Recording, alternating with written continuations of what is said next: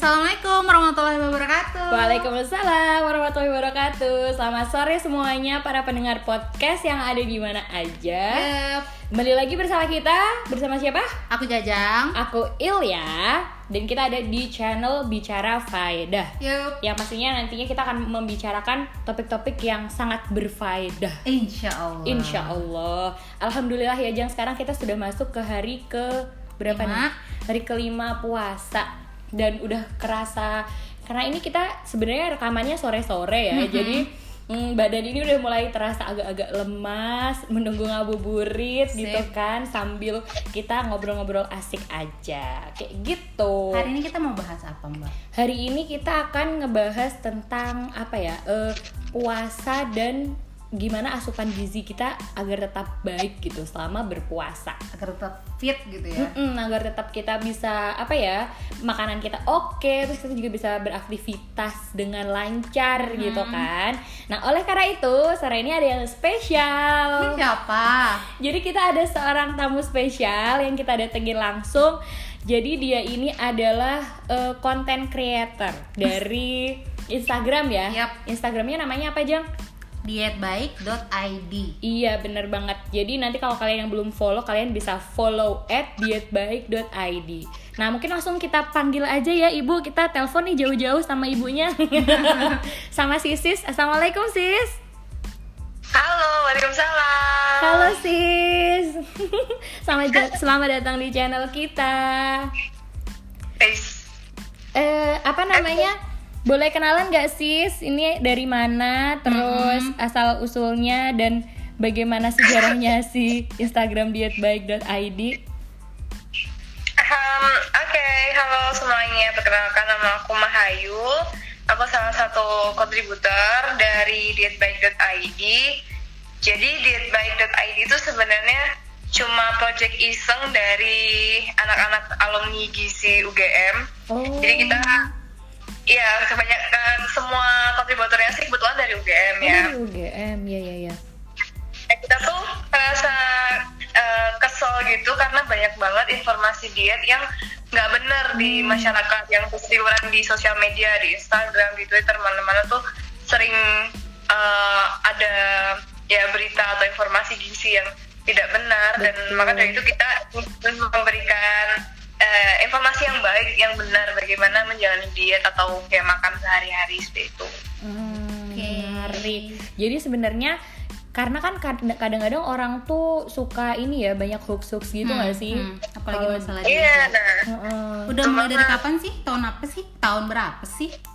Mulainya? Udah mulai tahun berapa ya? Aku lupa. Oh, kita mulai pertama itu tahun 2017.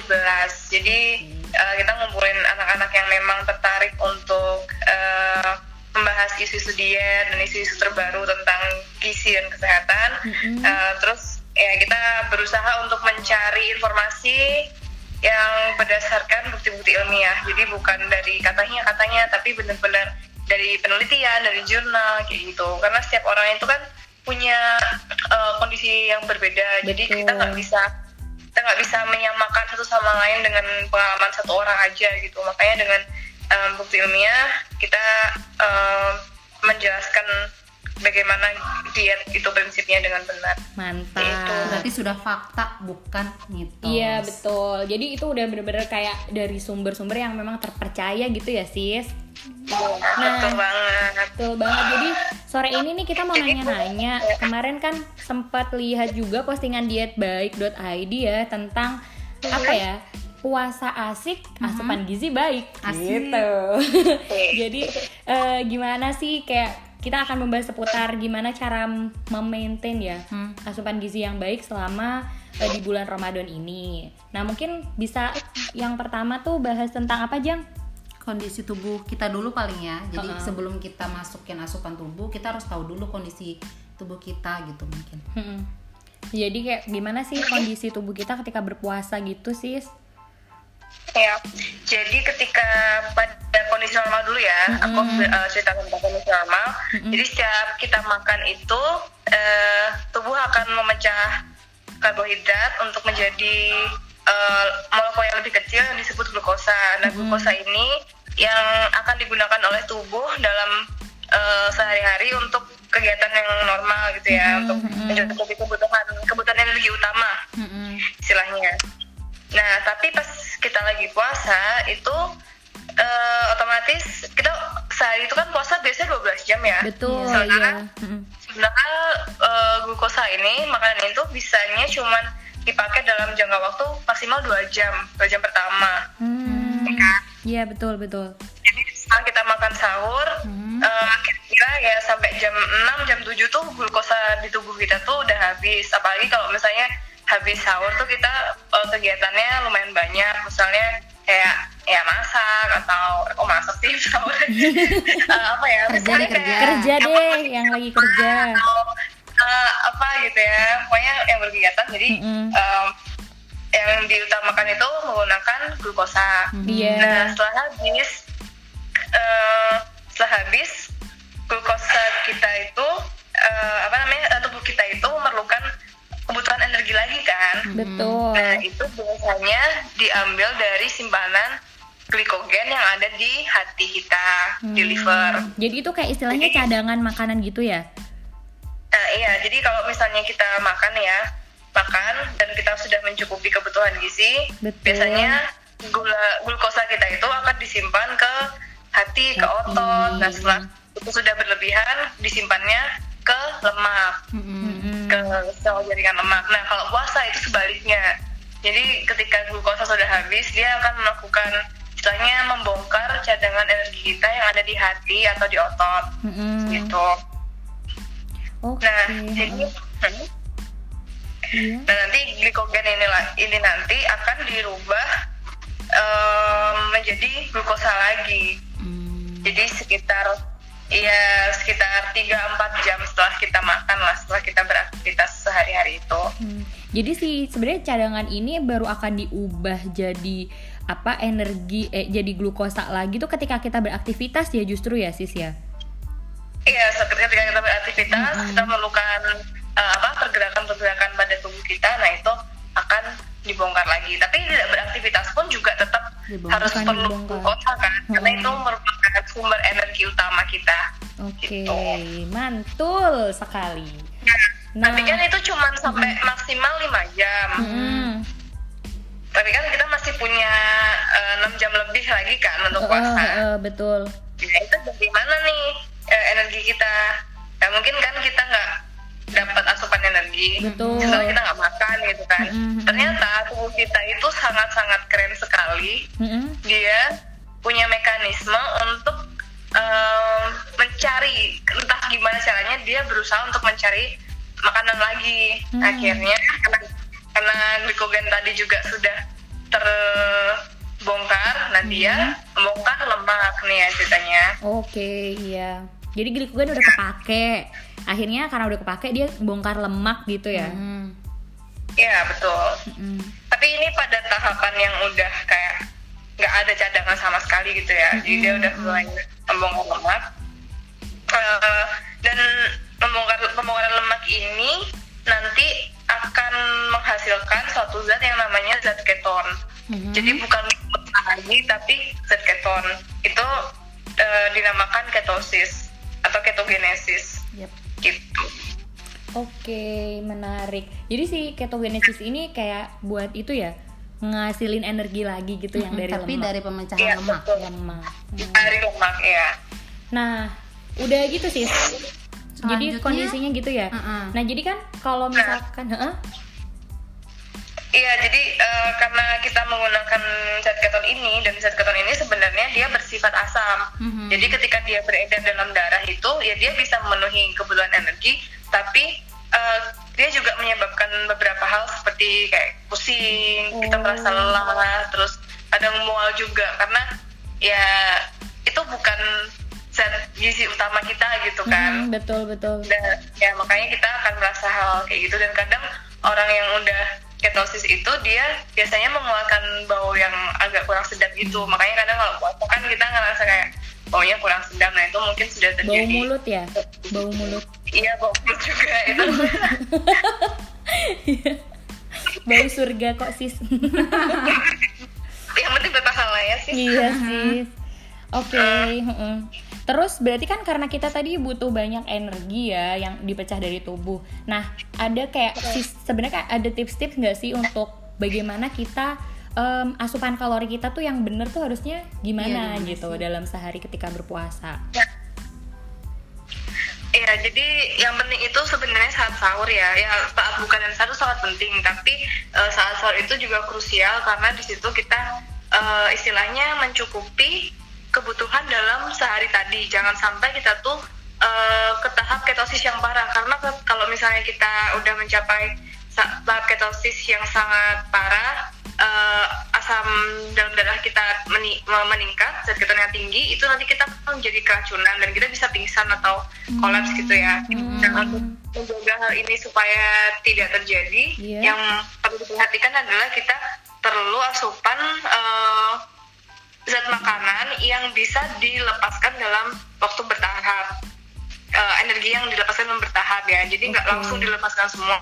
Mm-mm. Eh, contohnya kita misalnya eh, jadi kan kita sehari-hari itu memerlukan karbohidrat, protein dan lemak ya. Betul. Jadi itu em, kita harus bisa memilih misalnya karbohidrat yang kompleks. Contohnya seperti gandum, terus eh, apa ya oats seperti itu supaya eh, kita itu selain eh, rasa kenyang, dia juga bisa eh, melepaskan energi secara perlahan-lahan. Jadi glukosanya itu glukosanya itu tidak langsung dilepaskan seketika, tapi bisa lebih lama. Dicernanya lebih lama berarti ya. Gimana? Dicernanya lebih lama dibandingkan yang nggak kompleks. Yang Betul dan ya. eh, pelepasan glukosanya ke dalam tubuh itu juga bertahap jadi tidak langsung dilepas semua. Hmm. Beda dengan misal kita makan gula ya. Kalau gula itu dia langsung diserap dan langsung digunakan menjadi glukosa. Iya, betul. Makanya gula itu disebut eh, ya karbohidrat sederhana karena dia sangat mudah untuk di eh, dicerna di metabolisme. Hmm. Sementara kalau misalnya seperti gandum gitu ya misalnya dia sangat panjang rantai karbohidratnya sehingga dia perlu waktu lama untuk dipecah-pecah Hmm. dan untuk menjadi glukosa itu dia perlu waktu yang lebih lama daripada misal makan nasi nasi putih gitu ya. Hmm. Kalau nasi merah gitu berarti bisa juga ya sis? Iya, salah satunya juga itu dan dia mengandung serat yang tinggi, Tinggi. jadi kita udah merasa lapar karena Hmm. serat itu bisa bikin kita apa ya memperlambat uh, Iya. pengosongan lambung, jadi Mm-mm. kita bisa merasa kenyang lebih lama gitu. Jadi kita nggak uh, dikit-dikit merasa lapar, dikit-dikit lapar gitu. Hmm, oke. Berarti tipsnya tadi harus pakai karbohidrat yang memang bisa bertahan lama gitu ya Mm-mm. untuk untuk Ya perilisan betul, itu yang energinya. untuk sahurnya. Contohnya tadi yang gandum. Mm-mm. sama oat gitu-gitu bisa juga gitu ya. Kalau kalorinya sendiri kita butuh berapa banyak sih dibandingkan saat kita puasa sama enggak? Sebenarnya sama aja ya. Kita puasa atau tidak itu eh, sehari kita harus tetap memenuhi kebutuhan kita sehari-hari. Misal sehari kita butuh 1800 kalori ya udah kita harus memenuhi semuanya itu. Itu kan untuk kita beraktivitas, untuk eh, eh, kondisi tubuh kita, untuk basal kita. Mm-mm. Istilahnya kayak energi yang dibutuhkan kita untuk eh, hidup dengan normal gitu ya. Iya iya betul. Jadi tapi yang perlu diperhatikan di sini adalah waktu makan dan proporsi proporsi kita eh, membagi kalori tersebut. Karena kita lagi puasa kan ya kita nggak mungkin eh, apa ya langsung membagi dua eh, sahur 50% eh, buka puasa 50% karena itu pasti berat banget gitu buat kita. Berat buat buat pencernaan kita kan berat sekali karena istilahnya kita udah puasa terus habis itu langsung dikasih makanan yang banyak. Mm-mm. Nah, makanya kayak pembagian kalorinya tuh sebenarnya eh, ini sebenarnya tips sih supaya lebih mudah aja. Jadi untuk sahur kita bisa makan porsi normal ya sekitar 40-50% dari eh, kebutuhan kalori kita bisa dipenuhi saat sahur. Misalnya bangun tidur kita udah boleh eh, makan berat, Mm-mm. terus sebelum imsak sebelum imsak kita bisa ya makan makan lagi yang lebih ringan, misalnya kayak snack atau buah-buahan gitu. Hmm, Nah, waktu puasa setelah eh, adzan kita bisa minum air putih, terus eh, bisa makan istilahnya takjil ya, takjil Mm-mm. atau misalnya es kolak atau es apa gitu. Nah, itu bisa memenuhi sekitar 10 sampai 15% dari energi kita. Oke. Mm-mm. Ya, terus setelah em, setelah maghrib, setelah selesai sholat dan melakukan kegiatan lain, 30 menit setelah maghrib kita bisa makan makanan yang lebih berat gitu. Misalnya nasi dengan lauk pauknya, Mm-mm. terus dengan sayur-sayuran, bisa eh, minum segala macam. Hmm. Itu sekitar 30 sampai 35 persen. Nah, nanti setelah misalnya kita habis itu sholat isya, tarawih dan lain-lain, Mm-mm. terus setelah itu kita bisa makan lagi dengan misalnya snack lagi, misalnya kayak buah-buahan atau yogurt atau Hmm. kue-kue gitu bisa sekitar 10 sampai 15 persen energi. Jadi dalam sehari itu 100% energi kita, kebutuhan kita bisa terpenuhi walaupun kita sedang puasa gitu. Hmm, wow, menarik ya. Jadi emang semuanya tuh nggak bisa langsung brek-brek gitu ya. Kadang-kadang kan karena saking kalapnya kita wah semuanya dimakan gitu kan sebelum sholat isya. Tapi kayak tadi harus bertahap gitu emang. Jadi tubuhnya tuh biar juga bisa mencerna dengan baik dan secara perlahan-lahan kayak gitu. Nah, tadi eh, jenis makanannya kan tadi kan udah disebutin kalorinya nih energinya sekian persen sekian persen ya. Mhm. Nah itu tuh eh, energi segitu tuh bisa dipenuhi dari jenis makanan apa aja sih sis? Nah, kalau eh, tadi kan untuk sahur sudah ya, sudah dijelaskan bahwa kita eh, kalau bisa makan makanan karbohidrat yang eh, eh, apa karbohidrat kompleks Iya. atau yang eh, dilepaskan secara perlahan. Mm-mm. Terus eh, untuk buka puasa juga kita perlu makanan yang bisa eh, mengganti eh, kebutuhan energi yang hilang tadi gitu. Jadi makanya kita bisa makan kolak, bisa makan kurma itu karena dia mengandung karbohidrat sederhana yang langsung dipakai gitu. Karena biar kita nggak lemes ya istilahnya untuk mengganti mengganti energi yang tadi dengan cepat. Makanya kita bisa eh, mengkonsumsi makanan yang Manis-manis ringan-ringan gitu sedikit. ya. Manis-manis ya. Seperti itu. Eh, terus setelah eh, setelah maghrib kita juga bisa makan makanan makanan normal biasa. Bisa makan nasi makan roti pasta segala macam yang disukai dan beserta lauk pauknya lengkap. Mm-mm. Em, bisa sekitar 1 sampai dua porsi nasi gitu ya misalnya. Mm-mm. terus uh, protein protein itu juga sangat penting untuk memperbaiki sel-sel yang rusak. Karena waktu kita puasa itu kan pasti terjadi pembongkaran-pembongkaran di hati di otot itu kan pasti ada sel-sel yang istilahnya uh, rusak gitu ya nah itu perlu diperbaiki dengan protein protein juga uh, berfungsi untuk menambah kekebalan tubuh kita supaya kita tidak gampang sakit juga waktu puasa Contohnya yaitu sih? sekitar 1 sampai 2 porsi Hmm. gimana? Contoh proteinnya gitu?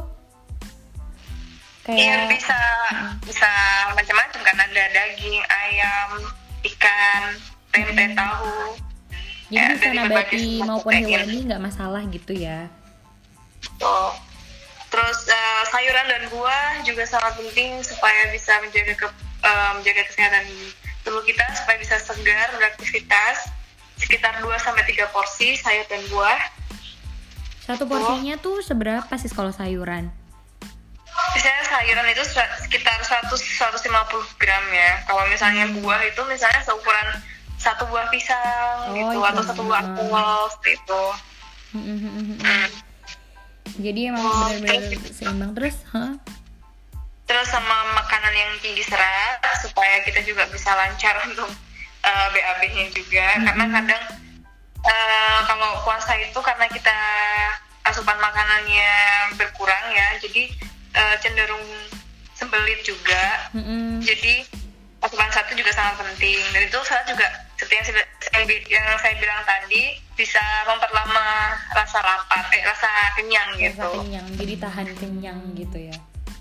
Wow.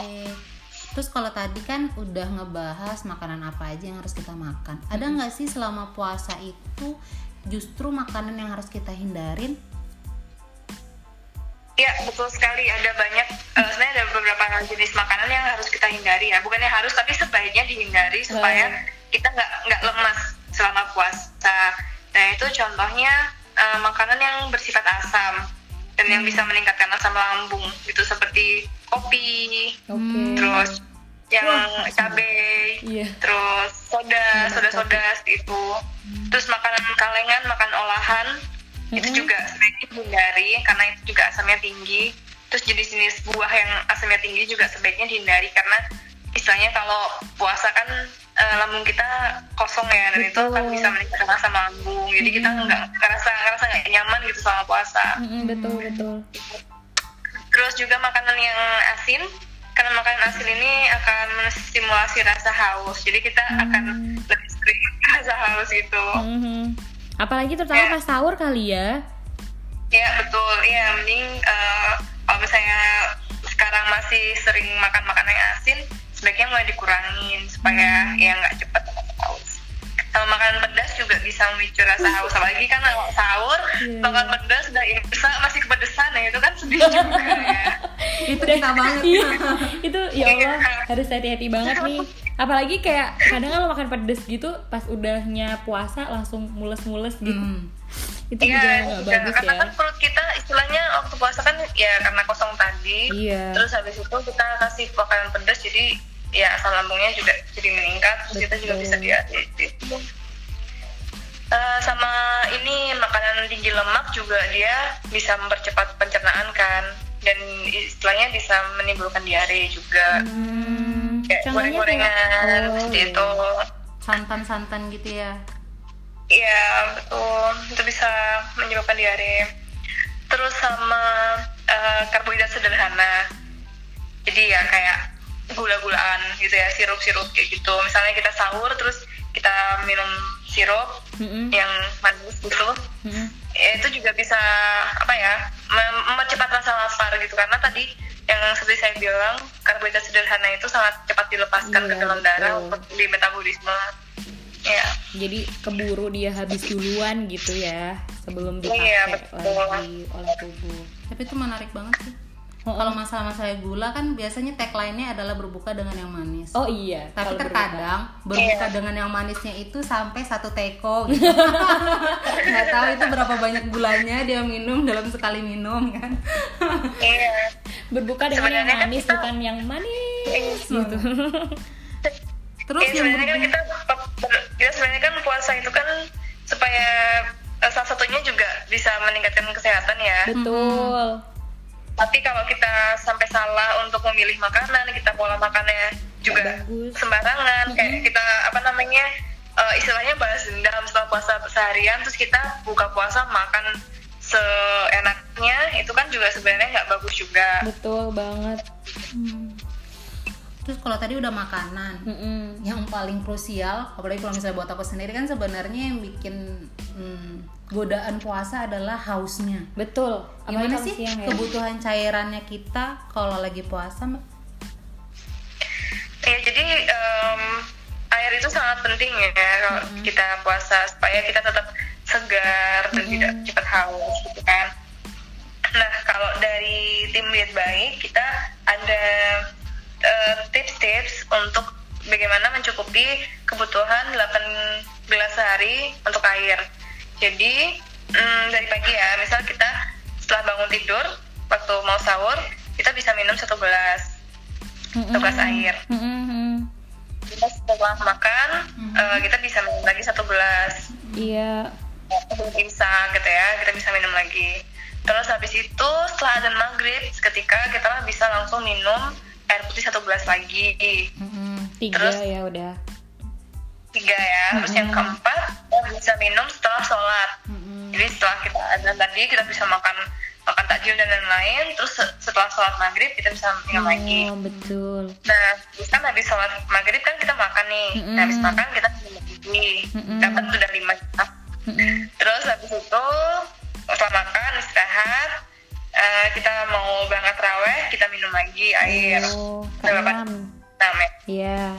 Terus setelah sholat raweh kan pasti kita juga haus kan ya habis Betul. sholat 24 rakaat gitu misalnya. Dua tiga bu. Dua tiga ya. Kok apa sih?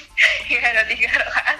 Haus ya kita bisa minum lagi. Terus yang terakhir sebelum tidur kita bisa minum lagi gitu. Jadi pas 8 kelas. Oke, oh, menarik ya. Jadi tetap meskipun apa walaupun Ya. kita puasa terpotong apa lama banget gitu tapi ternyata bukan jadi alasan untuk nggak minum 8 gelas sehari Yap. gitu ya gitu. Tapi sebenarnya air eh, kebutuhan eh, air itu juga tidak hanya dipenuhi dari Minum. ini ya dari Air putih. air putih saja. Tapi misalnya kita makan makanan yang berkuah, Iya, soto betul. atau sop itu kita bisa em, bisa me- mensuplai kebutuhan dari situ. Cairan Tapi yang nggak satu panci sop minum ya. itu langsung berapa gelas gitu ya tambah 5 mangkok gitu Bakso itu jangan diminum semua ininya ya. itu namanya nanti blendingan Oke. Wah, menarik Iya. banget informasinya ya. Jadi tadi kita udah dapet apa aja tadi hmm, pola pengaturan energinya. Kita tahu dulu nih kondisi tubuh kita Iya, dalam benar. sehari itu ketika berpuasa gimana. pemecahan energinya gimana. Heeh, terus apa ya berapa berapa yang harus kita penuhi gitu ya ketika sahur itu berapa persen energi, terus ketika buka. buka pas takjil pertama tuh berapa gitu. Jadi nggak langsung brek langsung 50% 50% sahur 50% buka gitu ya. Jadi emang harus bertahap gitu. Terus apalagi tadi ja hmm, setelah sholat terus nanti setelah sholat maghrib terus setelah sholat apa satu lagi apa? Setelah sholat isya setelah teraweh Iya. nah habis itu tadi juga dikasihin tips makanannya itu kira-kira contohnya seperti apa? Misalnya kayak karbohidrat Yang- kompleks. Hmm, kayak apa tadi? Oat gitu ya Iya. misalkan. Terus apa lagi sayur-sayuran buah-buahan Uh-uh. masih tetap harus dipenuhi terus jumlah proteinnya juga sama seratnya terutama belum puasa sama yang terakhir tadi ada makanan yang paling enggak harus dihindarin bukan harus dihindari dihindarin lebih baik sama jumlah cairan yang harus kita minum Iya. setiap harinya Jadi meskipun kita kondisi puasa tadi kan bilang ya puasa tetap asik, asupan gizi juga tetap baik ya nggak sis ya? Yoi. Untuk info lengkapnya boleh di follow aja dietbaik.id. Oh boleh banget ya. Jangan lupa teman-teman yang mendengarkan bisa mungkin follow langsung ya di in- Instagram namanya @dietbaik.id. Yap. Nanti di situ banyak banget selain informasi yang puasa ini juga banyak ya sis ya informasi lainnya ya. Ya tentang tentang diet, tentang kesehatan. boleh tanya-tanya juga nggak di situ Konsultasi juga boleh. Nah, tuh bisa konsultasi Iya. juga untuk yang pengen memenu apa sih memperbaiki pola makan sehari-hari gitu. Ya. Nah, udah. Terima kasih banyak ya Sis Mahayu Firsty Ya, sama-sama dari teman-teman eh, kontributor dietbaik.id.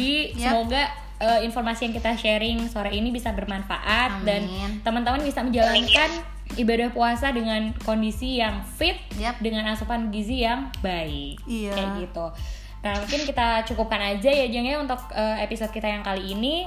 Terima kasih sudah mendengarkan. Mohon maaf kalau ada kurang-kurang dan bye bye assalamualaikum warahmatullahi wabarakatuh wabarakatuh. Bye.